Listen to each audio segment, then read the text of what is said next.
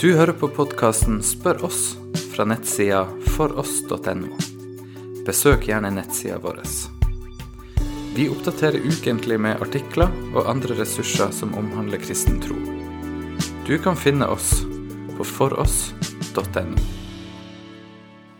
Hei og velkommen til en ny episode av podkasten Spør oss. Mitt navn er Ingvald André Kårbø, og jeg skal i dag prøve å svare på følgende spørsmål. Hva sier Bibelen om gjendåp?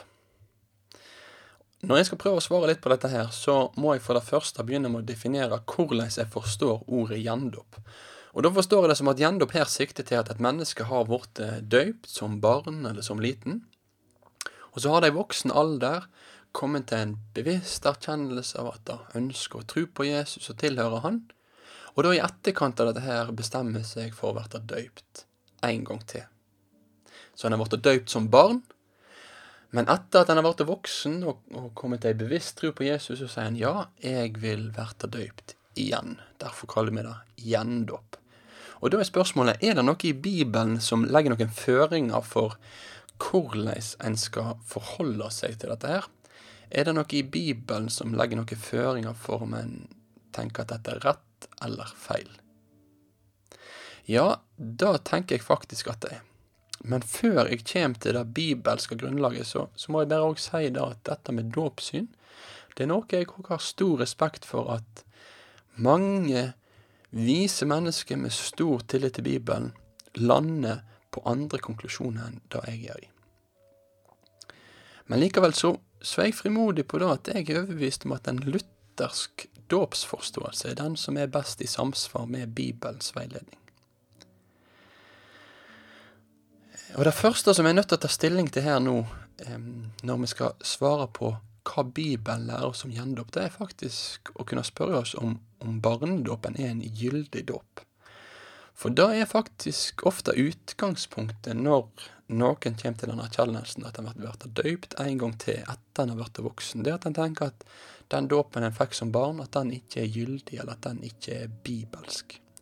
Og Da vil en kanskje argumentere med at en sier at barnedåpen den finner en ikke grunnlag for i Bibelen. At den er ubibelsk, og at derfor så må en bli døypt på nytt. Men denne gangen med en bibelsk dåp som har sitt utgangspunkt i at et menneske har kommet til tro på Jesus.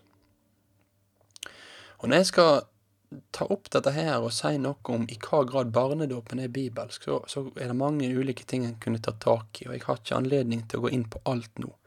Du kan gå inn på foross.no for å lese flere artikler om dåpen der, men det er én spesiell sak som kan nevnes i denne sammenhengen. Og det er at fire ulike plasser i Nytestamentet så ser vi omtalt det vi kaller for husstandsdåper. Det er tre sånne tekster i apostelgjerningene og én i første Korinterbrev kapittel 1. Det som skjer her, det er at et menneske har kommet til tro på Jesus. Og når det mennesket kommer til tro på Jesus, ja, så blir det mennesket døypt. Sammen med hele sitt hus. Og da er det store spørsmålet hva betyr det at de var døypt med hele sitt hus? Hvem er det egentlig som er inkludert i disse her husstandardene her? Og kan det være tenkelig at det òg er småbarn inkludert? Vi ser at dette ordet for hus det har vært brukt andre plasser i Nytestamentet, f.eks. i 1. Timoteus brev kapittel 3 og vers 4 og frem, om alle mennesker som tilhører en familie eller et hushold, også barn. Så når ordet hus blir brukt i Bibelen, ja, så er barn i utgangspunktet inkludert. Dette betyr ikke at når det står om at noen blir døypt med hele sitt hus på disse ulike plassene, at det må bety at barn var involvert. Men det vi kan si, er at det i alle fall er mulig at barn er involvert i disse tilfellene. For fire ulike plasser blir det spesifisert at hele husstanden vært døypt, uten at det vært tatt forbehold om alder. Og Derfor så vil jeg si at disse tekstene til sammen peker i retning av at det er mulig at barn òg ble døpt i bibelsk tid. For vi finner ingen plass i Bibelen noe alderskriterium for dåpen. Dåpen, det en gyldig dåp er, det er først og fremst kjennetegna ved at det er en dåp i den treenige Guds navn. Det er ikke sånn at Bibelen noen plass sier at dåpen er gyldig først når et menneske er 10 år, 12 år, 14 år, 16 år. Faktisk så er det heller sånn tvert imot at dåpen vært i Det nye testamentet holdt sammen med noe som en i Det gamle testamentet praktiserte på små gutter.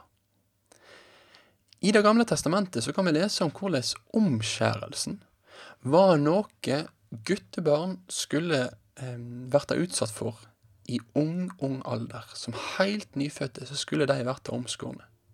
Dette for å vise at de var en del av Guds paktsfolk.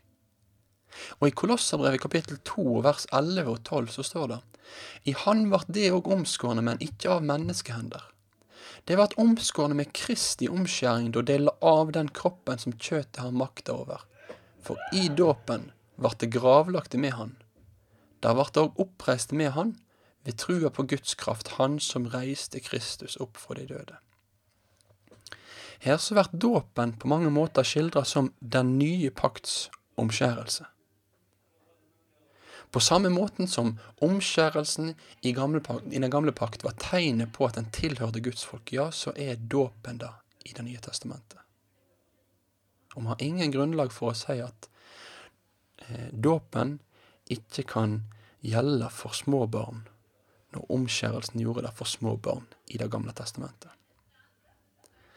Men det neste vi kan merke oss i den teksten om dåpen som den nye pakts omskjærelse, det er at dåpen blir her, og blir hele veien i Bibelen, omtalt som en engangshandling. En dåp i den treenige Guds navn skal ikke gjentakkes flere ganger. Nei, det er en engangshandling, på samme måte som omskjærelsen var det. En skulle ikke omskjære guttebarna hvert eneste år, nei, én gang var nok. Og på dette grunnlaget her så vil jeg komme tilbake til det spørsmålet som ble stilt i starten. Hva sier Bibelen om gjendåp? Ja, da vil jeg si at Bibelen den sier faktisk at gjendåp er i strid med det som Bibelen i utgangspunktet lærer. For Bibelen lærer om at dåpen er en engangshandling. Og da skal vi få ha vår tillit til at Guds løfte som Han gir i dåpen, de står fast. Og da er det òg sånn at hvis et menneske går bort ifra Jesus ei tid, og så kommer tilbake til han, ja, da trenger ikke det mennesket verta døypt en gang til. Nei, da skal en få ha sin tillit til at Gud, han er den som står fast ved sine løfter og ved sitt ord. Han er den som har gitt sine løfter i dåpen, og de skal vi få stole på. Dåpen er en stor ting. Det er ikke at det er noe sånn magisk med vannet. Er ikke at det er så utrolig spesielt med disse klærne som folk skal gå i, som ser altfor store ut til dem. Det som er stort med dåpen framfor alt, det er at det er en Gud som handler der. En Gud som kjem til mennesket med sin nåde, med sin tilgivelse, med sin ånd og med et nytt liv. Du har nå hørt podkasten Spør oss Still flere spørsmål, se andre ressurser, og vær gjerne med å støtte oss på foross.no.